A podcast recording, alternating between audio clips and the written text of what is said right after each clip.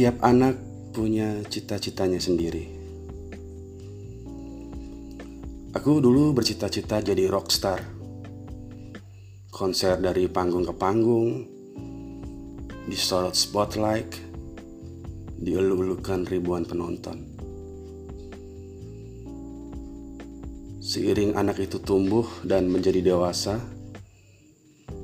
ada yang beruntung bisa meraih cita-citanya itu. Ada pula yang gagal.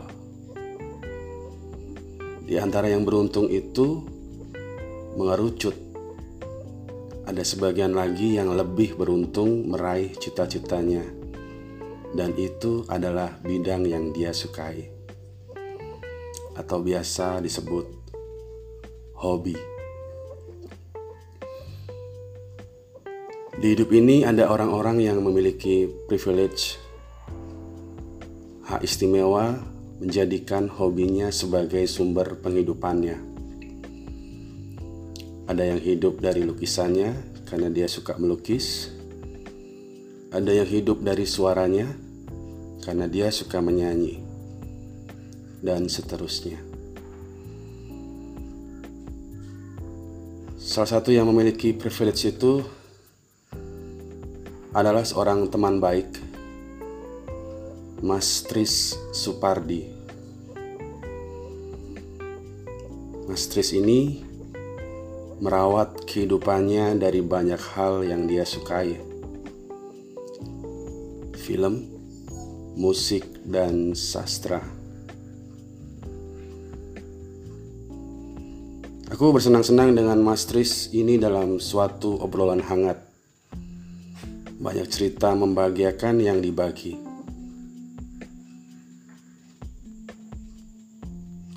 Selamat menikmati.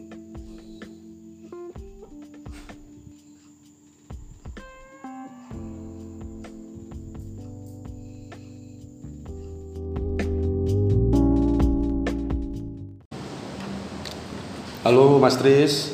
Halo Mas Haji. Apa kabar Mas? Kabar baik. Mas Tris ini kalau misalnya apply sesuatu tuh pasti apa agak kesulitan waktu ngisi kolom pekerjaan. Soalnya Mas Tris ini dia ini movie maker iya, musik director iya, videografer iya, musisi iya tukang puisi iya gitu. itu kalau misalnya Mas Tris suruh ngisi di kolom pekerjaan tuh Mas Tris siapa Mas? Satu aja gitu. Satu ini aku sebagai seniman kalau Di sisi seniman ya? Itu seniman. Udah ada ya misalnya kita di bank itu kita isi kolom pekerjaan seniman udah ada belum? Udah ada. Udah bisa. KTP juga udah. KTP udah ada seniman ya? KTP ku kemarin mau tak isi seniman sudah boleh, tapi harus eh, buat pernyataan. Nah itu akan ada nggak nggak jadi. Pernyataan gimana tuh? Harus mesti Pernyataan itu. siapa itu? Eh, pernyataan eh, ke ke RT, ke RW karena ngerubah, Oh. ngerubah dari yang lama sebelumnya. Misalnya karyawan swasta terus pindah ke Jadi seniman. seniman nah, gitu. itu harus itu. Itu ada seniman sih. Ada. Seniman gitu. Apa apa kerja seni atau gimana? Seniman, Oh, seniman. Oke, oke. Menarik ya. Meskipun sekarang aku uh, menyatakan diri ke Mm. ke publik itu aku seorang uh, filmmaker dan music director. Dua itu ya terutama Dua ya. itu. Dua itu. Sebagai movie maker dan musik director. Filmmaker dan music director. Mas Riz ini aku kenal kan udah lama ya Mas Riz. Kita tuh ketemu kayak sekitar medio 2017 ya. Hmm. Waktu itu aku main di tempat Mas Riz itu ya. Iya.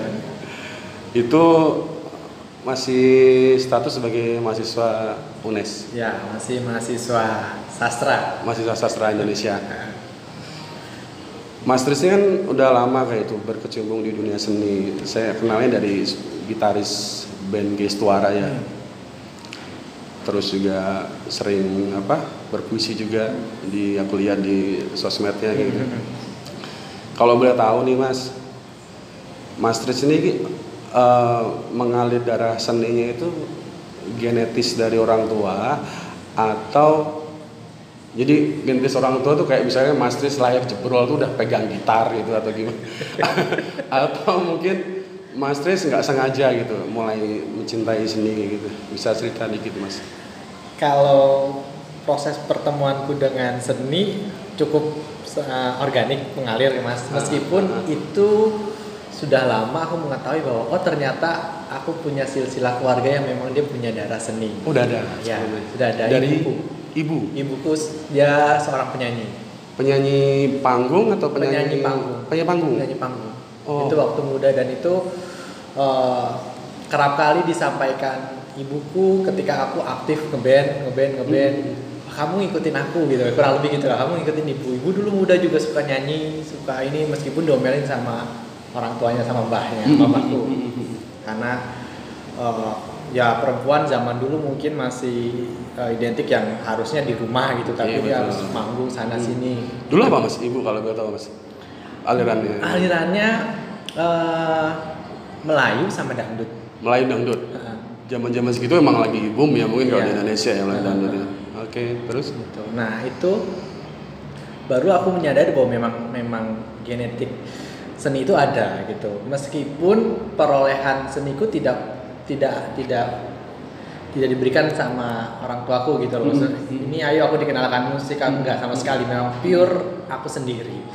aku menemukan eh, seni itu yang aku pure sendiri ngalir tapi eh, tidak dipungkiri ada campur tangan keluarga gitu Hmm. tadi ya tidak langsung misalkan kakakku mendengarkan musik terus aku tahu oh ini ternyata musik ini gini gitu mas jadi kalau tadi disebutkan aku berkesenian hari ini memang seni yang awal aku kenal dan aku tekuni bahkan aku sukai itu musik Musik ya, awalnya ya? aku kenal atau lebih tepat lebih tepatnya lo suka dan menggeluti gitar Mm-mm. itu kelas 4 SD Dari 4 SD itu Empat udah SD. mulai belajar main belajar gitar. gitar udah Diajarin kakak atau enggak aku sendiri belajar sendiri? belajar sendiri Kebetulan di rumah ada gitar gitu atau? Kebetulan di rumah ada gitar Oke. Lagu pertama apa mas yang bisa mas terus kuasai waktu itu? lagu pertama lagu pertama Ingat nggak? kayaknya dulu ini padi Padi. Heeh. Padi album pertama. Heeh. apa ya Itu kelas 4 SD mas kelas Tris. 4 SD SD Padi. Oh. Nah, padi Eh, lagu Begitu indah. bukan yang Madewi, Madewi. bukan Madewi yang eh, Seperti kekasihku pasti, bukan. aduh lupa Lupa. ya Pokoknya kelas 4 SD itu kelas 4 SD itu Mas Tris mulai belajar gitar dan lagu pertama yang dikuasai lagunya Padi itu. padi aku inget terus eh, kafein kayak gitu gitulah Lagu-lagu band-band Indonesia ya. Ah, band Indonesia masih Indonesia aku inget betul Itu di Jakarta masih di Jakarta aku aku lahir besar di Jakarta Sampai- sampai SMA SMA. Kuliah di kuliah baru Indonesia. SMA ini Ah. Terus pertama kali ngeband? Nah itu aku kelas 4 aku inget banget Mm. itu belajar gitar, bener latihan gitar Mm. sendiri. Mm. Aku ngeliatin orang main gitar, Mm. seneng. Mm. Aku pulang ke rumah ngulik sendiri, Mm. nyetel musik. Nah kelas 5 aku inget itu pertama kali manggung. Oh iya, Kelas serius? lima SD pertama Oh, kali manggung. Solo apa Grup. band? Enggak, enggak. Ini Eh. jadi dalam satu kesempatan itu namanya persami mas. Kalau tempatku dulu. Perkemahan Sabtu Minggu. Perkemahan Sabtu Minggu. Pramuka ya? Pramuka. di sekolah. Oke. Aku dipercayai untuk pentas. Nah, Itu waktu itu emang teman-teman udah pada tahu itu kalau Mas Tris bisa gitar itu. Kalau sampai ditunjuk. begitu. Ah. Heeh, sepertinya begitu. Oke. Jadi tiap kelompok kan mewakili kelo- em, tiap eh, tiap kelompok mewakili kelompoknya untuk pentas, membawakan beberapa Ah. tampilan gitu kan. Hmm, hmm. Nah, aku eh, dipercaya udah Tris kamu pentas, ayo nanti aku ikut yang lain. Aku pentas itu. Mm. Aku inget banget pentas uh, kelas 5 SD itu di Persami, aku Hmm. main gitar, terus bawain lagu-lagu lagunya ini Utopia kalau nggak salah. Utopia itu yang vokalisnya cewek itu ya? Ah, Utopia Siapa itu yang- aku nyanyi antara ada dan tiada inget itu masih muda, aku masih Tahu tahu. Mas Tris nyanyi. Aku gitar ya, gitar sambil nyanyi. Ini sambil gitar? Sambil nyanyi sambil gitaran itu. Itu inget banget aku. Itu berarti kali pertama pengalaman manggung ya Mas? kali pertama. Tahun berapa gitu ya Mas? Kayaknya 2003. 2003. Oke. Setelah itu bertahun-tahun kemudian ngeband, ngeband, ngeband sampai akhirnya eh, berdiri Gestuara itu. Nah, Gestuara itu Gimana Ah. itu sejarahnya Gestuara itu? Grup kedua di Semarang. Sebelumnya pernah berarti bikin film sebelum Gestuara? Se- Kalau di Semarang pernah sebelumnya. Jadi kalau Bandnya- tadi kalau tadi aku itu Hmm. dari kelas 4 itu terus aku masuk SMP tuh aku langsung buat band gitu Mas. Hmm, hmm, saat hmm. SMP tuh aku buat band. Aku masih aku kalau masih ada beberapa foto itu ingat banget Hmm, Ko- konyol lah ngeliat pos Hmm. posterku yang kecil tapi udah megang gitar gitu, pakai baju Rolling. Stone, Oh, Rolling Stone. Gambar yang, yang, lidah. yang lidah itu. Oh, iya. ah, ah. pakai topi ada aku main. Nah itu dan nggak tahu penilaian seperti apa guru aku menjadi gitaris terbaik. Itu kelas 1 SMP. Maksudnya dengan kat- eh, kategori SMP ya kali ya? kategori SMP. Oke, oke. ah, ah. Pokoknya aku kelas 1 SMP, kelas 1, kelas 2, kelas 3 SMP, kelas 1, kelas 2, 3 SMA aku selalu ngeband dan aku punya project grup band yang cukup banyak. Hmm, hmm, hmm. Dan itu pasti selalu besar gitu Mas. Besar, Maksudnya besar tuh berprestasi gitu maksudnya? Ya, di, di, di kalangan sekolah. Misalkan SMP nih, di kalangan sekolah pasti figurku itu ya anak band rock and roll terus ya identik yang yang keren cool gitu. Dulu gitu. Yang ngeband ngeband ngeband. Gitu. stereotip stereotip anu ya, anak band ya. Anak band. Gondrong, keren gitu ya, banyak disukai cewek gitu. ya itu zaman itu. Dan tapi termasuknya aku yang kalem kalem gitu. Nah itu SMA juga sama dan maksudnya cukup ramai gitu loh mas. Aku Waktu itu scene-nya apa mas di Jakarta mas? Waktu mas Tris SMA SMP? Sinku ini Lagi-lagi boom, boom apa? lagi-lagi moving melodic punk gitu. awal-awal melodic punk ya? Heeh. Itu kayak Kayak bling gitu, iya kayak kayak bling, ya kayak bling ya, kayak bling. Sum 41 ya Ah, gitu. Sum 41. Berarti pasca kayak Green Day, Offspring gitu ya? Iya. Setelah itu ya? Setelah, Lewat-lewat setelah ya? itu, setelah itu, Hmm, setelah hmm, itu. hmm, hmm. Nah itu SMA rame-ramenya Endang Sukamti lah, model-model Hmm, kayak hmm, gitu. hmm, Karena hmm, dulu hmm. sempat aku satu panggung di SMA sama Endang Hmm, Sukamti hmm, itu. hmm, hmm. Nah, model, nah itu. Jadi eh, ha- jadi kan kalau di di SMP dan SMA di Jakarta itu ada pensi, tapi di situ kan kolaboratif. Eh, apa ini ya mas? Apa namanya? Eh, kayak dia itu harus selektif. Maksudnya Jadi selektif? setiap orang boleh manggung, Mm-mm. tapi dia akan lolos dipilih untuk manggung di panggung besar utama Mm-mm. dengan di hari H-nya Oh, bersama oke. dengan gue star gue star. Mm-mm. Dan itu di Jakarta pun dulu gitu. Mm-mm. Kan Yes. kayak semacam band pembuka gitu ya? Iya band pembuka. Mm-mm. Nah aku selalu masuk di situ. Mm-mm. Jadi itu yang membuat di sekitar sekolah cukup cukup di di apa ya disegani lah Disegani. sampai lolos masuk ke Mm-mm. event besar. Jadi Mm-mm. misalkan di SMA, jadi aku tuh ada hari sebelumnya itu ada tes dulu, semua orang boleh main di tes, nah terus dinilai baru dia main lagi. Lolos apa enggak? Lolos main untuk pembuka. Nah aku cukup sering. Nah barulah aku lulus eh, kuliah, aku kosong banget mas di sini Itu hijrah ke Semarang ya? Jaya Semarang. Mulai Semarang, awal-awal kuliah, Aku meninggalkan banyak grup bandku. Maksudnya project yang aku rintis, aku Ah. malah reading tuh jadi ingat. aku yang paling besar itu aku lagi merintis band uh, Itu waktu grunge. di Jakarta, Mas? Jakarta. SMA berarti ya? Aku aku punya project grunge itu SMP kelas Oh. 2. Aku udah main grunge SMP. Aku ingat ada empat project besar waktu SMP kelas 2 itu aku ada grunge, aku ada metal, Itu dengan empat band yang berbeda berarti? empat band yang berbeda. Luar biasa. Mas Tris, itu kan se- tadi sempat bilang tuh cerita eh, sering jadi bintang bintang apa band pembuka apa band-band gede itu. Pengalaman paling berkesan tuh waktu itu buka konser siapa mas? Apa di festival mana gitu kalau boleh Mas Tris ceritain? Ingat nggak? Aku paling besar Endang Sukamti kayaknya itu dulu. Waktu buka Endang Sukamti ya? Bukan di Endang Jakarta Sukamti. ya? Ah, karena benar-benar Endang Sukamti minta aku main lagi karena dia belum siap. Oh, Karena memang ada berarti permintaan mereka malahnya? permintaan mereka. Oke. Itu kalau yang lainnya ya aku membuka Ras Muhammad, aku membuka eh, di Jakarta itu ada dulu terkenal My Name Is itu lumayan besar scene-nya Piwi Gaskin. Dewi Gaskin. Nah, terus terus apa ya namanya ya kalau lifestyle itu malah aku satu panggung bareng itu main memang gitu, itu sih mas. Itu gitu. Itu jadi kan eh, dibilang tadi meninggalkan banyak proyek semasa sekolah, terus hijrah ke Semarang, sempat apa vakum ya, kosong aku terus tadi bilang juga sebelum Gestuara itu apa didirikan sempat main di satu band itu? Satu duo grup. Oh Ya, duo, duo ya berarti ya. Duo itu bisa ceritakan tuh band itu, Aku duo itu. ya itu tadi.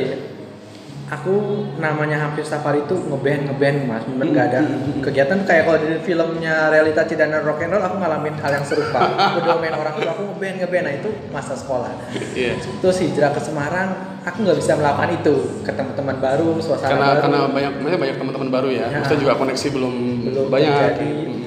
Terus aku meraba-raba, ketemu aku dengan temanku satu kelas yang dia juga suka musik dan aku sudah mulai meraba dengan dunia kesusastraan. Mm-mm.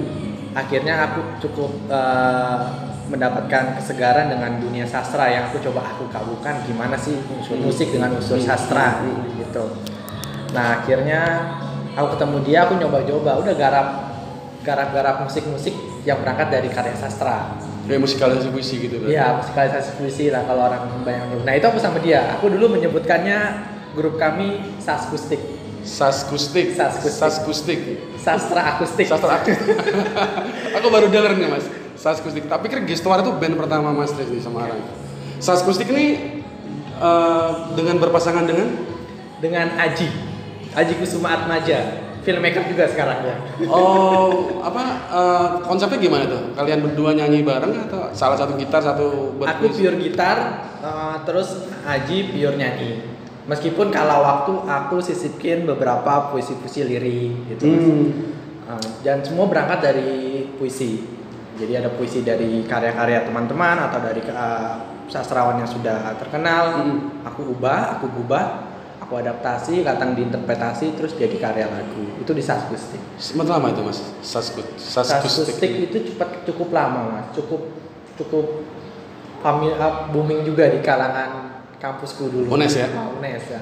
Dia juga sering manggung juga ya? Nah, ya manggung tingkat tingkat tingkat kampus yang tadi sampai ke RRI, sampai beberapa event di Semarang bawah, Semarang. Event-event sastra gitu ya? Event event sastra nggak jauh dari sastra. Oke. Aku bahkan rutin di Kumandang Sastra RRI. Hmm, ngisi RRI ada gitu. program Kumandang Sastra. Hmm. Nah di situ aku cukup lama. Nah terus ya berjalannya waktu kami memiliki kesibukan masing-masing. Hmm, hmm. dia sebenarnya lebih ke vokalisku itu dia memang tidak punya ketertarikan tinggi terhadap dunia musik. Dia punya ketertarikan tinggi di film. Oh di film. Oke. Hmm. Dia menyatakan diri memang begitu. Aku nggak terlalu punya setinggi kamu di musik, Hmm, hmm, hmm. tapi di film. Nah akhirnya karena dia sudah menyatakan gitu, akhirnya tapi aku harus mencoba untuk mengaktualisasikan diriku, mas. Hmm, hmm. Harus me- melakukan proses-proses kreatif di musik. Ya akhirnya aku mendirikan Gestuara. Itu mulai berdiri Gestuara itu awalnya gimana mas? Awalnya Teman kampus juga teman kamu semua, UNES semua? UNES semua. Teman satu fakultas atau gimana? ada yang satu fakultas ada yang beda fakultas Gimana mas proses berdiri Gestuara itu mas? prosesnya sangat-sangat eh, tidak sengaja gitu mas ah, mengalir ah. aku ke awal ketemu tuh dengan vokalisku perempuan si Si Titin Tin ya. Titin yang, yang suka nari itu Mm-mm. jadi dia jauh adik kelasku jauh Mm-mm. terus dia berapa kali sambil nongkrong kok nyanyi kok suaranya menarik aku ledekin aku pancing ayo nyanyi bareng sama aku berani nggak gitu kan Itu awal-awal mas. Awal-awal. Mas terus lihat si Titin ya. lihat dia dia kira dia punya potensi bagus nih gitu kan dia hanya hanya bers, bersenggau apa namanya bersenggau ya hanya nyanyi nyanyi biasa dia terus aku lihat kayaknya menarik nih. Terus aku coba. Dulu kan aku sering banyak event di kampus tuh mas. Event-event anak-anak seni rupa pameran Hmm. atau apa nah aku biasanya dikasih kesempatan untuk itu. Nah aku aku ajak dia ayo mau ngisi nggak sama aku? Ada ada acara pameran lukisan kamu nyanyi sama aku. Udah nyanyi berdua. Belum punya nama udah nyanyi berdua. Dan ketemulah di situ chemistry menarik nah Konsepnya sama ya, bersama dengan Saskustik cuma ditambahi elemen tarian gitu ya. belum ketemu tari itu awal belum ketemu pure, pure kayak akustik dia nyanyi Cuma kita- vokalisnya sekarang perempuan. perempuan dengan karakter dia Itu ibaratnya obat patah hati Mas Tris ditinggal gitu ya. Nah, mungkin bisa dibilang gitu nah Lalu ketambahan anggota-anggota baru gimana mas? itu mengalir banget mas jadi aku sama dia Hmm. berdua Itu belum ada gestuara belum ada. ya? belum ada belum ada nah terus karena Titin ini aktif di teater ada beberapa kali pentas teater yang mengharuskan eh, pengisi musik gitu. Ada ada pengisi musiknya memang ada gitu. Cuman menggandeng aku suruh ngisiin. Nah dari situlah baru aku mulai kayaknya ini but, tidak cukup dengan berdua saja nih. Aku butuh beberapa instrumen tambahan. Barulah aku menggandeng eh, gitarisku dulu jadi di saat akustik itu aku dulu memang berdua tapi terkadang di panggung-panggung besar aku mengajak Additional ya. additional. Mm-mm. Nah, nah additional ini ya gitaris ini tak ajak untuk mengisi di apa namanya di cikal bakal departemen gitar itu. satunya. Ah, ah. Nah, Gitar ajak- dua berarti ya? Gitar dua. Mm-mm. Aku megang akustiknya, dia megang elektriknya. Elektriknya. Oh, Mas Tris di akustiknya. Aku di akustiknya. Masih awal itu akustik. Hmm. Barulah ketemu tuh bertiga. Terus berjalannya waktu dikasih kesempatan untuk pentas, pentas, pentas dan itu juga masih mencari nama-nama. Masih konyol-konyol dulu namanya belum menemukan suara. Iya.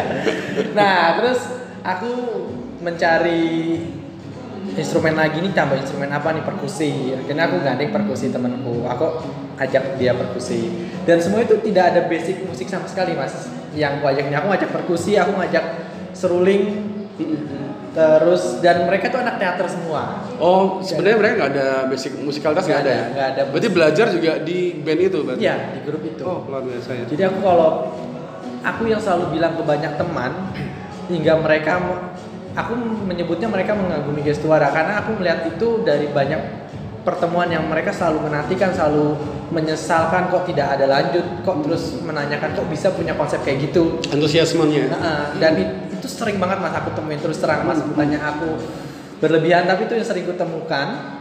Banyak orang yang kok bisa punya konsep kayak gitu? Kok kok gini kayak gini? Gitu lah heran. Secara mungkin waktu di Semarang juga belum ada kali ya, belum banyak ya yang maksudnya konsepnya seperti yang Mas Tris dan teman-teman bawakan waktu itu. kayaknya iya kayaknya belum Maksudnya ada. memadukan banyak elemen seni di satu satu wadah gitu seperti Gistuara. kayaknya belum ada mas.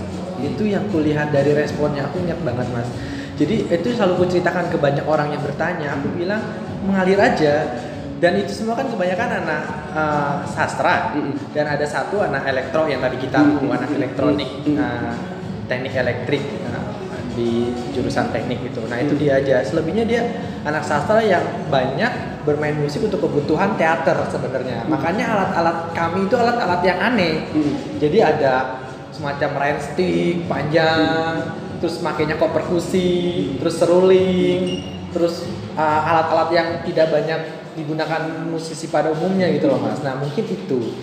Terus kami meng- membuat unsur-unsur puisi karena kami memang berangkat dari anak sastra. Terus kami terus menyuguhkan sajian tari dan teaterikal karena memang tadi kami berangkat dari teater gitu. Nah itu benar organik banget, benar. ih, Jadi kamu- mengawinkan banyak elemen tadi ya. Nah itu, jadi aku ngeliat, oh kamu bisa nari, sambil tari aja. Oh kamu bisa teater, coba kamu kasih teaterikal dikit aja. Hmm. Terus, oh punya alat seruling, kita pakai coba seruling. Oh punya alat ini, nah gitu-gitu mas. Hmm. Sangat sederhana itu. Hmm. Makanya kami tidak ada basic sekali untuk musik. Nah, ternyata itu diterima dan bahkan di, dikatakan oleh beberapa musisi yang cukup lama menekuni dunia musik-musik yang keren menurut mereka gitu dunia itu. Hmm. itu keren gitu mas bisa mendapatkan Hmm. itu. Aku ingat banget ada satu pertunjukan aku di salah satu kafe di Semarang. Hmm. aku nggak tahu katanya itu yang punya kafe langsung ngubungin uh, grup ini. Kalau di Semarang itu cukup terkenal mas. Suara Nusantara. Suara Nusantara. itu dulu. Di kalangan jazz itu uh, suara katulistiwa apa suara Nusantara suara Nusantara nggak salah. Nah itu dia datengin aku di kafe itu pas aku selesai aku langsung dipanggil kayak semacam interogasi gitu loh mas sama grup mereka loh mas ada satu aku inget yang sangat antusias Mas Nurul Nurul Katulistiwa ya Nurul Katulistiwa sekarang tinggal di Bali dia memang konsen di musik jazz tapi etnik Hmm. ya kayak kayak kayak kayak Topati kayak Bujana gitu gitu Hmm, hmm, hmm. dan Etnis? Nah, etik-etik itu mas. Nah dia interogasi kok bisa kalian menemukan karakter seperti ini bisa mainin siapa? Referensi kalian siapa? Hmm. Siapa yang mengajak kalian hingga kalian bisa membentuk seperti ini? Nah itu itu pertama kali yang aku ingat dan setelah itu banyak panggung yang kami juga di- di- ditanyakan gitu mas. Nah itu yang tadi mengalir aja, Itu jawabannya juga Mas Tris jawab mengalir aja ya. mengalir aja. Gak ada sebenarnya eh, referensi dari mana juga gak ada. Nggak sebenarnya. ada. Itu nemu aja, ketemu Nemu- aja gitu. Nemu aja. Serius itu nemu. Nah, barulah dari situ aku mencari apa referensi-referensi yang mereka sebutkan itu. Oh, maksudnya musisi-musisi etnik yang lainnya Ah, gitu. yang kalian nggak pernah dengar ini Dari misalkan. luar itu, dari luar negeri gitu. atau luar dan dalam. Oh, oke. baru aku aku setel kami cari bersama gitu kan. Oh iya mirip Sama sama kami ya. ya oh mirip. Itu benar Nggak sengaja, nggak sengaja ya? sama saya tidak sengaja. Ah, ah. nah itulah baru. Oh oh oh gitu. Dan gitu gitu mas. Dan itu sangat sangat membuat kami terpacu. Dari situlah baru. nah barulah merilis lagu merilis lagu segala Itu macam belum ada Gistuara, belum muncul. oh itu dari Gistuara itu Udah ada. dari Gistuara tuh mas Ah, nah, Itu gimana mas ceritanya? Gistuara sendiri itu apa? Secara filosofi gimana itu? Artinya itu? Kebetulan aku yang memberi nama gestuara itu aku membayangkan karena kami menampilkannya itu sebuah gestur dan suara. Gestur dan suara. Jadi gestuara aku nyebutnya karena Digabung ya? Heeh, digabung gestuara. Akronim gitu ya? Akronim. Gestur dan suara. Gestur dan suara. Itu Filosofinya? ya itu tadi penggabungan antara gestur dan Nah, suara. tadi. menggabungkan gestur dan suara. Jadi kami ingin ya ya tubuh ini ya punya punya punya sesuatu yang yang yang bisa ditawarkan gitu. Dari hanya gerak gestur dan suara itu yang yang yang kami sajikan tubuh itu. Terakhir eh, project Gestuara ini, mana sempat lihat kayak di IG itu?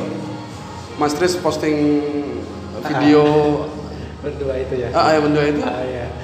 Berdua itu aku main ya tadi mengobati kangen sih mas. Jadi karena vakum lama ya? Karena vakum lama. Berapa lama Gestuara aku tadi aku terus terang itu setelah project berdua iseng itu mau bagi tangan aku coba buka Instagram lagi. Aku aku kira sudah lupa passwordnya atau bahkan nggak bisa. Ternyata aku buka lagi bisa Instagram Gestuara aku ngeliat uploadan terakhir itu 2018 kalau nggak dua salah. tahun yang lalu ya dua tahun yang lalu itu mah itu banyak DM tuh Banyak. kapan nih? Kapan nih? Kapan lagi tuh? Ada yang mention. Nah itu.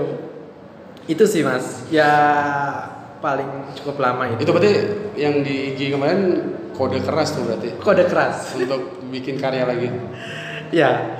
Ada rencana udah kontak-kontak teman-teman kayak Titin dan Udah, kami membuat formula baru. Sebenarnya itu kemarin terus terang ngobatin kangen tuh sama ngelihat respon publiknya. Kami coba. Cek ombak ya? Cek ombak, cek ombak. dan ternyata? Ternyata banyak. Nah itu makanya ini dikangenin nggak tahu nih berarti kebangetan Di Facebook paling rame banget itu tuh. Paling rame. Facebook rame. Nah itu sih mas. Akhirnya dari situ, wah benar dan kita harus buat meskipun nanti formulanya tidak seperti yang dulu gitu karena memang eh, personil kami sudah jauh-jauh itu mas. oh Ah, sudah di Kalimantan, sudah Iya. ah, sudah jauh-jauh. Jadi sebenarnya sebenarnya kayak proses recording itu kan kita belajar dari semasa pandemi ini ya. Ya, banyak musisi yang mereka proses recording kan eh, berjauh pun bisa gitu. Dengan adanya teknologi kita bisa tempel gitu. Part demi part terus kita gabung bisa jadi satu lagu gitu. Nggak ada ke- keinginan kayak gitu iya. Keinginan apakah memang harus gestuara itu harus seperti apa namanya eh, nama bandnya gitu. Mesti tetap ada ada pertemuan gitu Hmm. tiap-tiap anggota baru bisa berkarya atau gimana kayak gitu Enggak, enggak, enggak sih, enggak harus bertemu juga sih mas sebenarnya. Iya. Eh, cuman memang jadi eh, gairah untuk berkarya ini memang kan tidak tidak muncul dari setiap personal gitu mas. Hmm, ada semacam itu ya. Iya. Kayak kayak di dunia nulis tuh kayak writer's block gitu ya. Ya. Kayak di musisi apa namanya itu? Apa ya? apa ya? Blocks ya. Iya, jadi, jadi, Jadi ada yang stuck gitu ya. Ah, ah, jadi ada itu yang keinginannya besar Mm-mm. untuk untuk melanjutkan, tapi memang butuh proses panjang untuk mengupgrade mengupgrade skill, mengupgrade apa apa ya pengetahuan dan lain sebagainya. Nah itu terus ya Aktualisasi. Ah, ah, sebenarnya itu nah memang ini masih proses mas masih proses komunikasi dari kemarin sudah mulai kami komunikasi sudah ayo ayo ayo ayo udah gitu kan recording lagi gitu kan Hmm. sebenarnya itu juga yang disayangkan banyak teman-teman musisi lain yang gestuara sampai hari ini belum recording Hmm. Padahal materi udah banyak tuh materinya udah banyak Draft-draft masih Ya, banyak ya? tujuh sih mas Tujuh tujuh lagu. tujuh lagu karya lagu Bisa itu mas mini album lebih-lebih itu. Nah, udah rencana itu. Jadi itu yang juga aku ceritakan banyak. Salah satu Mas Wiko kan sering tak ceritakan. Karena dulu itu kami tuh menahan untuk tidak membuat pure audio karena kami ingin menampilkan visualnya gitu loh. Hmm. Sebenarnya konsep kami itu kami memberikan sajian kepingan Hmm. eh, Komplit ya? eh, kepingan di situ nanti mereka bisa melihat visualnya terus bisa melihat eh, Jadi DVD gitu. Nah, DVD. Hmm, oke. Rencananya itu. Nah, penggarapan visualnya yang lumayan lama, tersendat macet, akhirnya ya udah tersendat semua. Meskipun akhirnya beberapa karya audio sudah keluar sedikit gitu kan. Dua gitu keluar. Buat ngisi itu nggak ada rencana kayak semacam bikin kumpulan. Itu kan mesti kan Giswara sering tuh konser. Hmm. Nggak ada kumpulan bikin rencana bikin kumpulan footage gitu.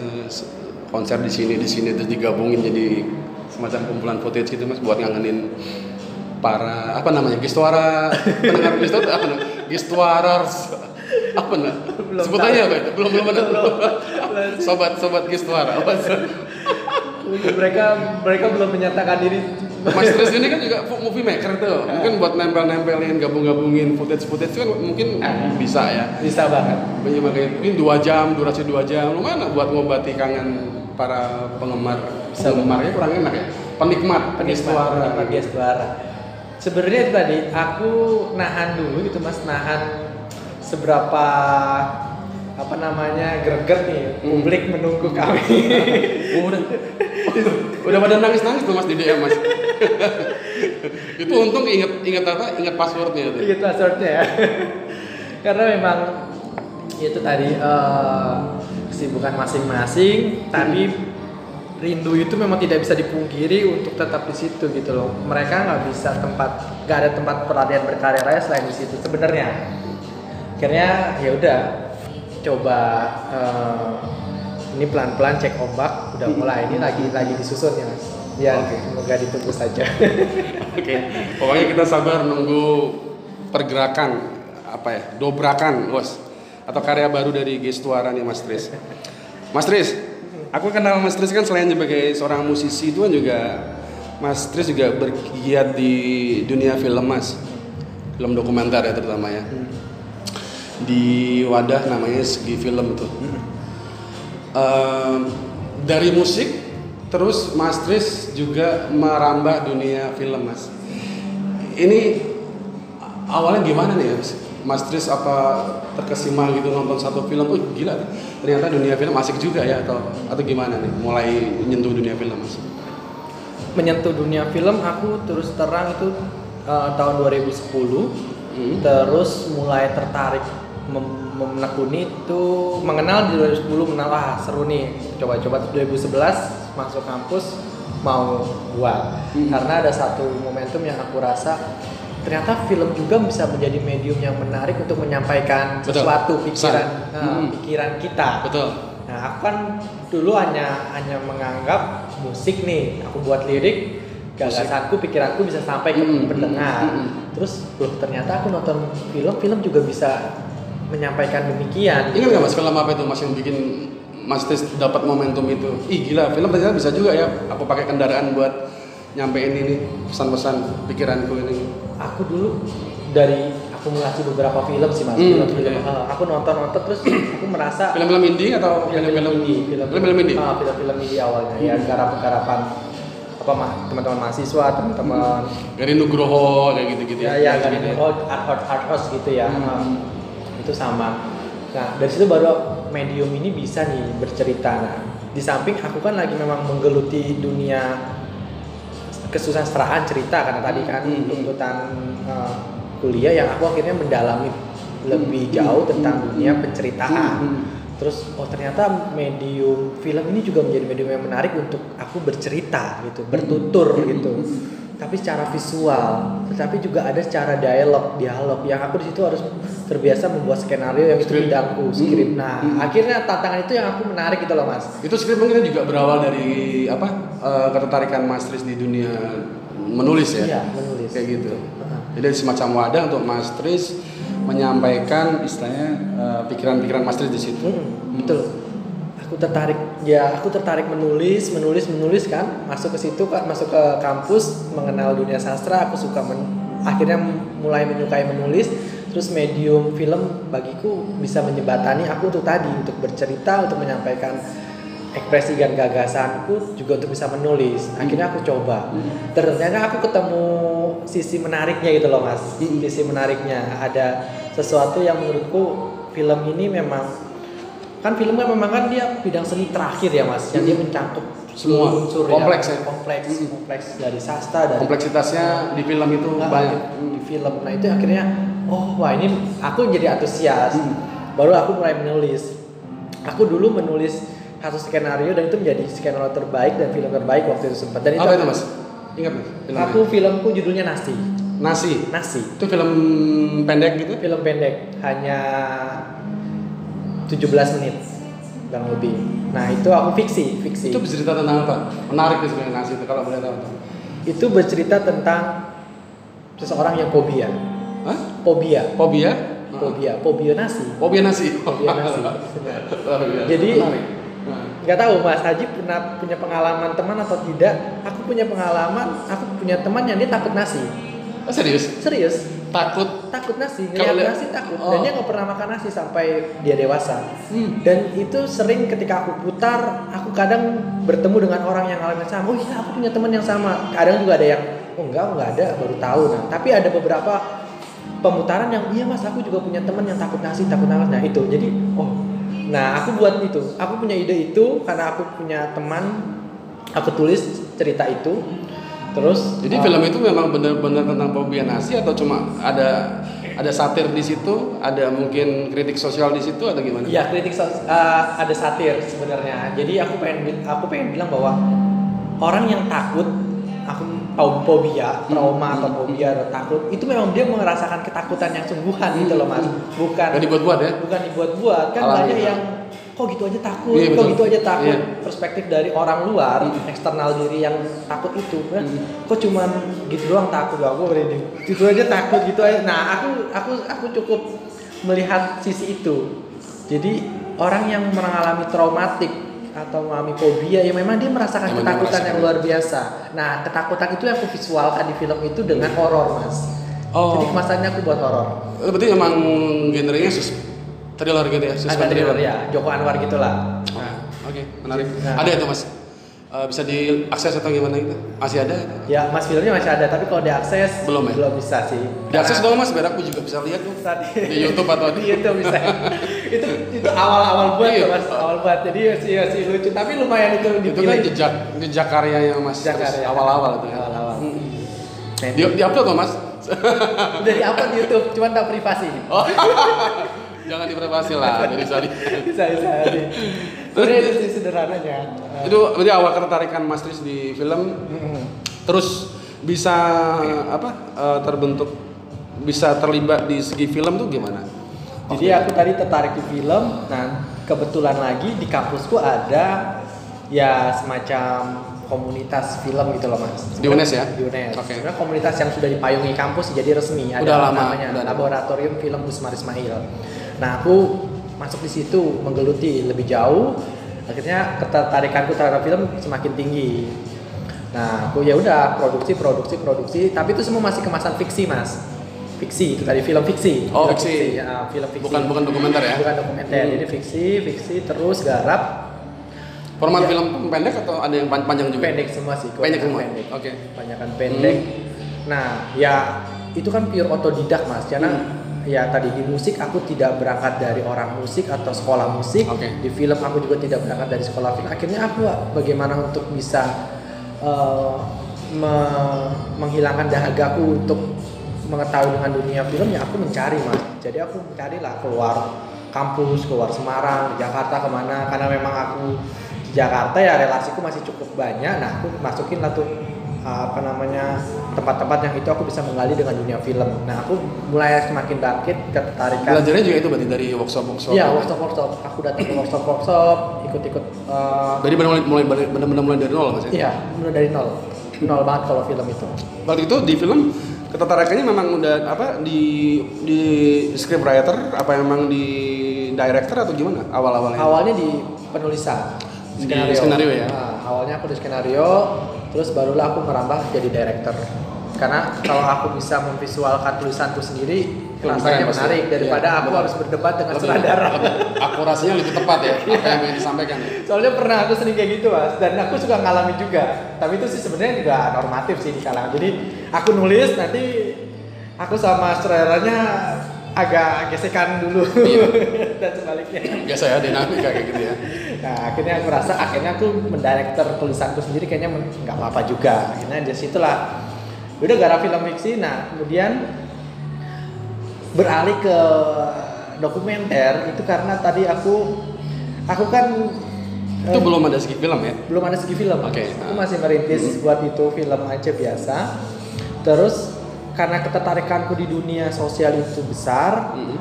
jadi aku suka dampingin sekolah-sekolah jalanan, aku mhm. yang disabilitas dan segala Mhm, macam. mhm. Nah, aku bertemu dengan salah satu teman yang mereka punya ketertarikan di sosial. Nah, terus dia nawarin aku, Mas, gimana kalau kita buat film tentang eh, disabilitas? Bantu aku bisa nggak gitu kan? Oh ya udah ayo, kayak gimana? Gini-gini. Nah itu awalnya mas. Berarti kalau kayak gini kayaknya enakan kita buat dokumenter aja. Ya aku sudah mengenal tapi kan belum fokus di dokumenter. Belum pernah, Nah, belum pernah lah ya. Nah, terus aku tawarin dia dibuat dokumenter aja. Ini sepertinya enak nih. Akhirnya udah itu. Itu project pertamaku buat film dokumenter tentang disabilitas di Semarang. Nah, barulah aku gandeng gandeng gitarisku tuh, tiga gitaris sih dan gitaris di Gestuara untuk menemaniku di Additional gitaris tadi ya? ah di sana itu gitaris itu tuh nemenin aku di project film dokumenter untuk mengisi ya apa kayak scoring gitu ya? scoring scoringnya gitu. Nah berjalanlah ternyata cukup direspon baik gitu di Semarang karena belum ada yang menggarap konten dokumenter. Dan aku juga telusuri tuh mas. Jadi waktu itu di Semarang belum banyak yang bikin film-film dokumenter kayak belum gitu. banyak malah sampai sekarang pun belum ada mas. Semarang tuh belum banyak mas? iya. Oh. serius aku aku menemukan apa namanya informasi itu juga dari banyak pertemuan banyak omongan. Jadi nah aku melihat celah itu. Berarti sebenarnya banyak ya, maksudnya kayak potret-potret di Semarang yang sebenarnya nggak difilmkan ya, tidak diabadikan dalam sebuah film ya. Mas sayang sekali sebenarnya itu. Mas. kalau potret-potret di Semarang diabadikan dalam film banyak sebenarnya mas cuman orang Semarang yang kemudian konsen di film terkhusus di dokumenter itu yang tidak banyak Oh, oke. meskipun akhirnya Jadi- aku belakangan melihat ada personal-personal tapi dia tidak mengatasnamakan Semarang Hmm. itu personal dia kemudian ke Jakarta ke Jogja ke mana Iya. berhasil Oke, gitu oke, aja.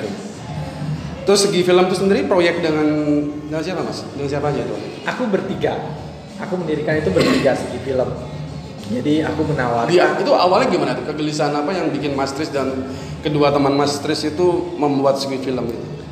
kegelisahan awalnya tadi aku melihat tidak belum ba- Belum belum, ada. ada. belum banyak orang yang konsen di dokumenter. Oke. Nah, terus ju- apa jiwa jurnalistikku keluar mas dari oh situ. ya, jadi sebelumnya ini sebelumnya ini belum, ceritakan tadi ya. Cerita, ya. Nah, Mas Tris ini dulu mantan, bisa dibilang ya? ya. Eh, bukan mantan ya, apa yang lebih tepatnya? Pernah Ya, pernah. berpengalaman sebagai seorang wartawan magang Ya, di wa- Kompas Wartawan di Kompas, setelah itu aku langsung wartawan di beberapa koran cetak di Semarang. di Semarang. Oh sempat juga. Jadi untuk teman-teman wartawan yang mungkin kebetulan dengar podcast ini, ada salam dari Mas Tris. halo, halo, salam. Ada teman lama. Oke, balik lagi ke segi film tadi Mas. Ya, jadi itu yang selalu aku ceritakan kenapa aku kemudian beralih dan tertarik di dunia dokumenter karena tidak secara langsung jiwa jurnalistikku ter- tertarik, ter- Terusik. terusik gitu, Bangkit. bangkit lagi. karena di dokumenter itu kan riset itu cukup Betul kuat, Mas. sekali, ya. riset. Riset. Terus proses-proses pendekatan ke narasumber, Hmm. proses bagaimana Iya. persuasif mendekati hingga akhirnya dia nyaman, kemudian kita bisa gali hal-hal yang personal, yang privat, Mm, betul sekali. yang bahkan yang sangat sensitif, bahkan hal-hal gitu yang Iya. wah ini seru nih aku tertantang yang dulu aku Itu sempat sempat hilang ya.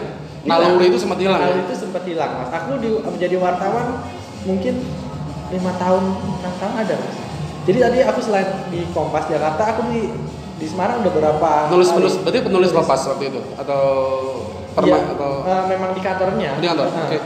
itu paling lama di majalah tuh mandu aku. Nah jadi nah film dokumenter ini tadi panggilan itu aku tertantang untuk apa menjadi seorang apa namanya jurnalis yang mewawancarai orang gitu. Sebenarnya itu terus terang itu. Nah akhirnya wah ini menarik. Aku bisa kembali eh, secara personal terjun ke lapangan reportase gitu ya? eh, menggali isu-isu Mm-mm. peristiwa dan lain sebagainya Mm-mm. tapi kemudian ini lebih lebih ada proses kreatif yang lebih tertanda karena aku harus godok menjadi sebuah cerita film yang Hmm. yang tidak hanya kalau jurnalistik kan memang berbeda dengan produk dok- dokumenter mas Hmm. ini yang sering aku dulu debat dan akhirnya aku melihat banyak orang yang "Ah, mereka mungkin belum belum belum coba cari tahu atau belum baca jadi gini ada banyak yang film-film dokumenter itu mereka beberapa netizen apa beberapa netizen itu ya jadi mereka itu kok ini enggak apa enggak netral kok ini enggak ini kok ini selalu terlalu berpihak ke sini nih. nah jadi Hmm.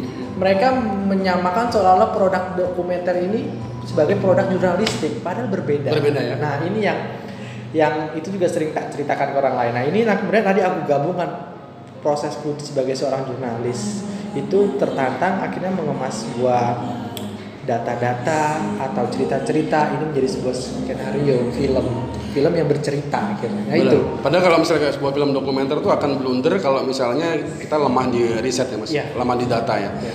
Oke.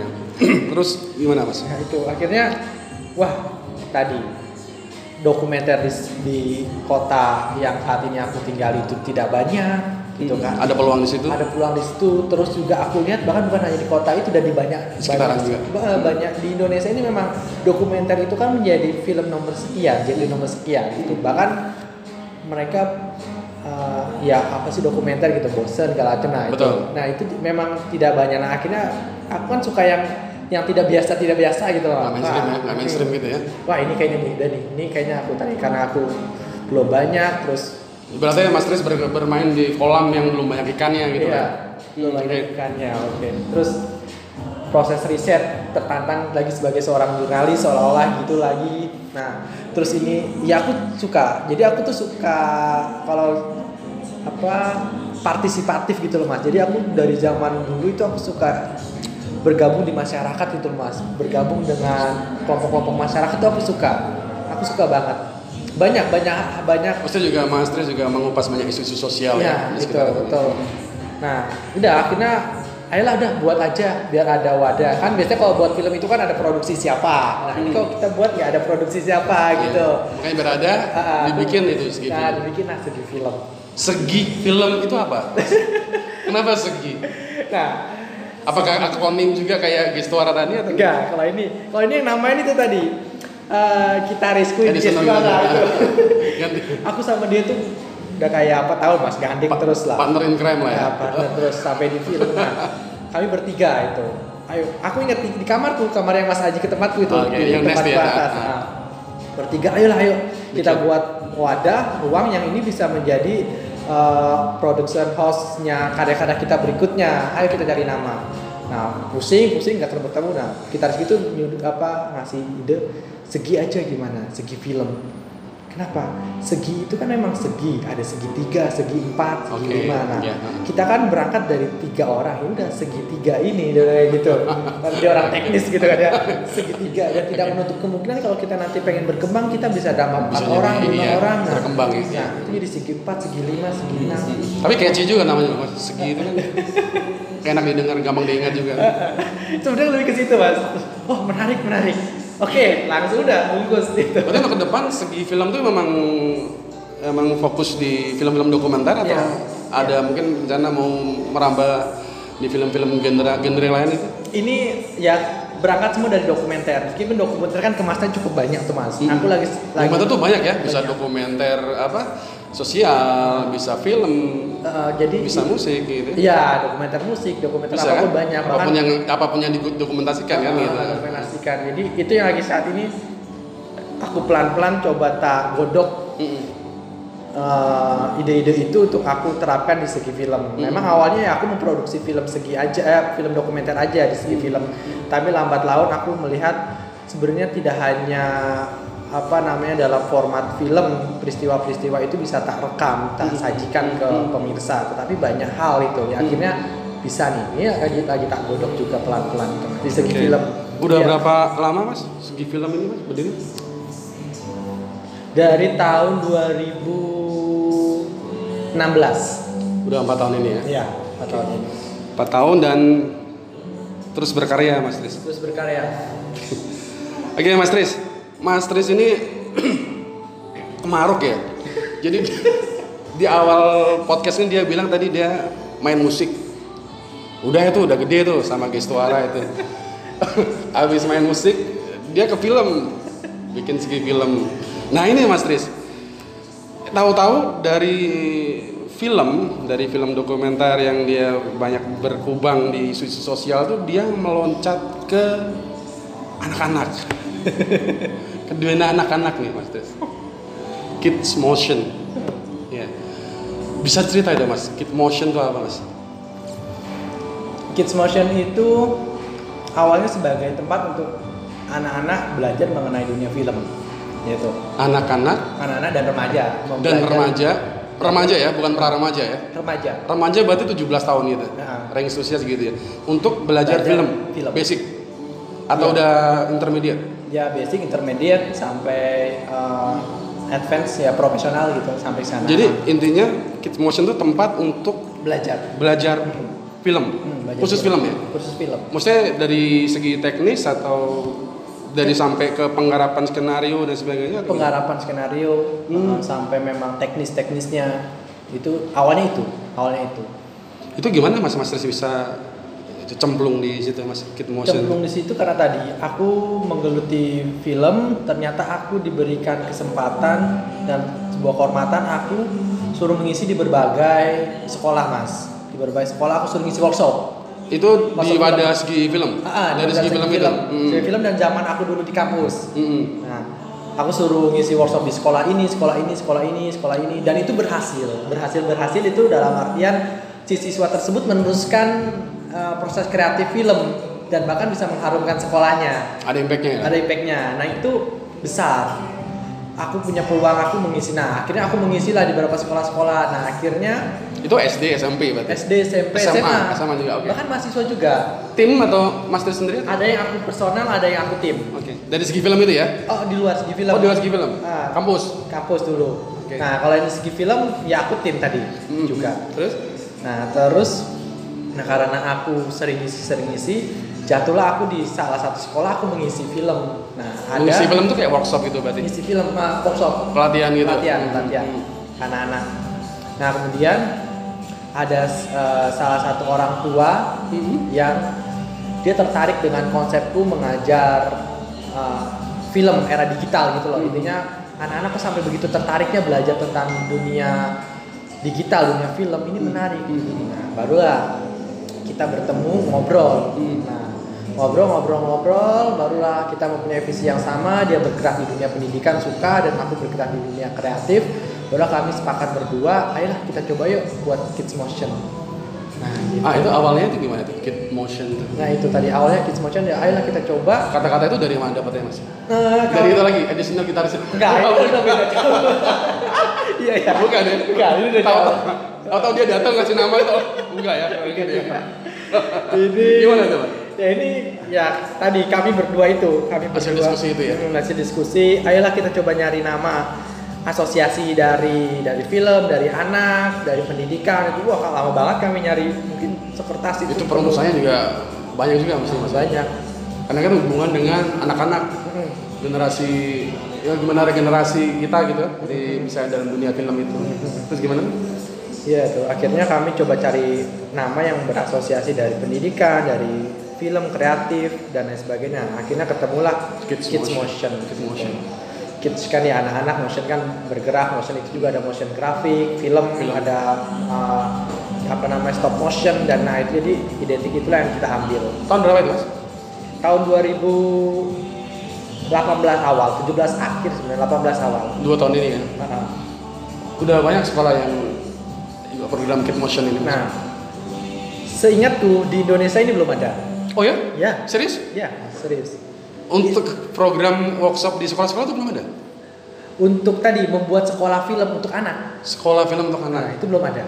berarti memang kid motion itu memposisikan diri sebagai sekolah film ini Iya, untuk anak-anak ya Untuk anak-anak. sekolah sekolah film dalam artian memang ada ada benar-benar sekolahnya gitu Iya, itu di mana tuh mas itu di Semarang di Alamatnya? Erlangga Raya. Erlangga Raya Nah, di Erlangga Raya. Jadi untuk orang tua yang pengen anaknya belajar film mulai dari dasar bisa datang ke kantor Kid Motion ya di Erlangga Raya ya. Bisa di Google ada mas ya? Ada di Atau di juga IG ada? Hmm. IG-nya di Kidsmotion.official. kidmotion.official bisa dicatat bagi orang tua yang mungkin tertarik anaknya ada bakat di sana bisa belajar di Kidmotion.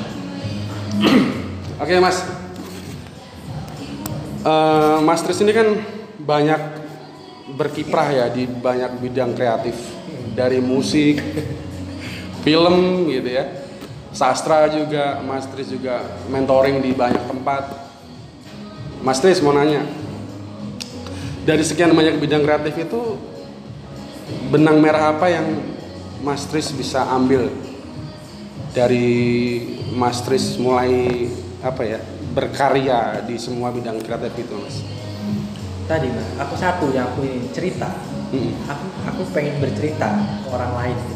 Mas Tris pengen bercerita, bercerita pikiran Mas Tris. Bercerita tentang Kegelisahan pengalaman- Mas Tris. Pengalaman, pengalaman yang ku temui, pengalaman yang ku alami. Jadi nggak harus pengalaman dari Mas Tris ya, Iya. bisa pengalaman yang Mas Tris lihat, Mas Tris dengar gitu ya, dan disampaikan lagi ke orang. Hmm. Jadi ingin menyampaikan pesan apa sih sebenarnya yang Mas Tris pernah lihat, pernah rasakan, pernah dengar gitu. ya. Hmm. Kenapa Mas Tris kok pengen bercerita Mas? Aku poinku sih sampai hari ini nih mas, apa ya? Eh, ya aku menganggap hidup kan singkat ya mas ya. Betul. Maksudnya, Ya. a- maksudnya aku pengen aku sebelum aku selesai itu Selesai, tuntas ya Hmm. ada ada riwayatku yang memang itu dikenang ya baik Legasi gitu ya. Eh, eh, ya, aku- sama apa? Eh, itu Legasi ya gitu ya. Jadi ada ada riwayatku yang aku dikenang memberikan em- impact yang yang positif terutama dalam dunia kreatif seni gitu mas Betul betul. ya aku bisa- bercerita melalui film melalui musik yang itu memang punya punya efek yang panjang misalnya terngiang Hmm, hmm, hmm. terus bahkan menjadi eh, dorongan kuat untuk orang-orang untuk bertahan hidup untuk survive untuk untuk bersemangat untuk apa pun nah kayak gitu-gitu. Untuk anak cucu dan juga generasi setelah Mas Tris ya. iya aku aku itu sih sebenarnya Jadi melalui karya-karya Mas Tris, Mas Tris berharap generasi setelah Mas Tris bisa belajar dari itu gitu. Iya. Kurang lebihnya seperti itu. Menarik Mas Tris. Mas Tris, ya mas kita udah hampir sampai nih Mas di akhir apa ini? Wawancara, bukan ya? Apa ini ya namanya? Podcast. podcast podcast podcast ini Mas Tris.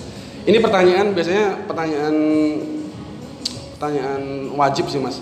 Yang biasanya saya tanyakan aku tanyakan ke tamu-tamu podcast aku.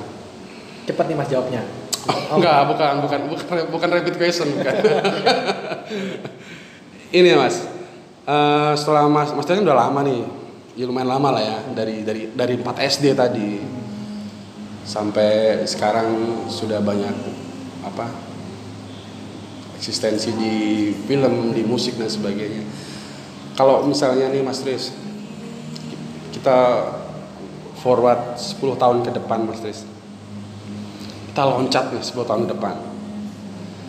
Kira-kira Mas Tris pengen buat apa dalam hidup Mas Tris dalam 10 tahun ke depan? Gak usah, gak usah, gak usah jauh-jauh lah. 10 tahun ke depan aja Mas Tris. Mas Tris kira-kira pengen bikin apa nih dalam 10 tahun ke depan? aku pengen buat ruang mas tempat gitu tempat yang di situ menjadi ekosistem bertemunya banyak orang untuk belajar itu aja sebenarnya. Semacam hub gitu ya, iya ya semacam ya workspace. ya workspace tapi memang itu sebenarnya cita-citaku itu sih dari dulu mas dari aku kecil jadi aku Itu pengen semua bidang kreatif itu. Aku pengen punya sanggar, aku pengen, pengen semacam punya apa ya, rumah belajar. maksudku memang sanggar semacam sampai kayak gitu mas. Yang di situ memang orang datang Bisa belajar. bisa belajar di situ, saling saling belajar, bisa menjadi guru bagi sesama gitu. Dan ya itu, pengenku itu sampai sampai hari ini masih pengenan gitu punya tempat. Dalam 10 tahun depan kira-kira masih ngeband nggak Mas? Pasti mas, kayaknya band nggak bisa lepas kayaknya aku. Masih ya? Musik- nggak bisa lepas kayaknya. Mick Jagger, Kate Richard aja sampai 70 tahun masih Wah, itu Cat Richard idolaku tuh. aku dicekokin sama kakak bangku tuh Stone. Richard. Kate Richard. Selain Kate Richard siapa Mas? Terus. ya Cat Richard pun Cobain. Jauh banget ya. Generasinya beda banget ya.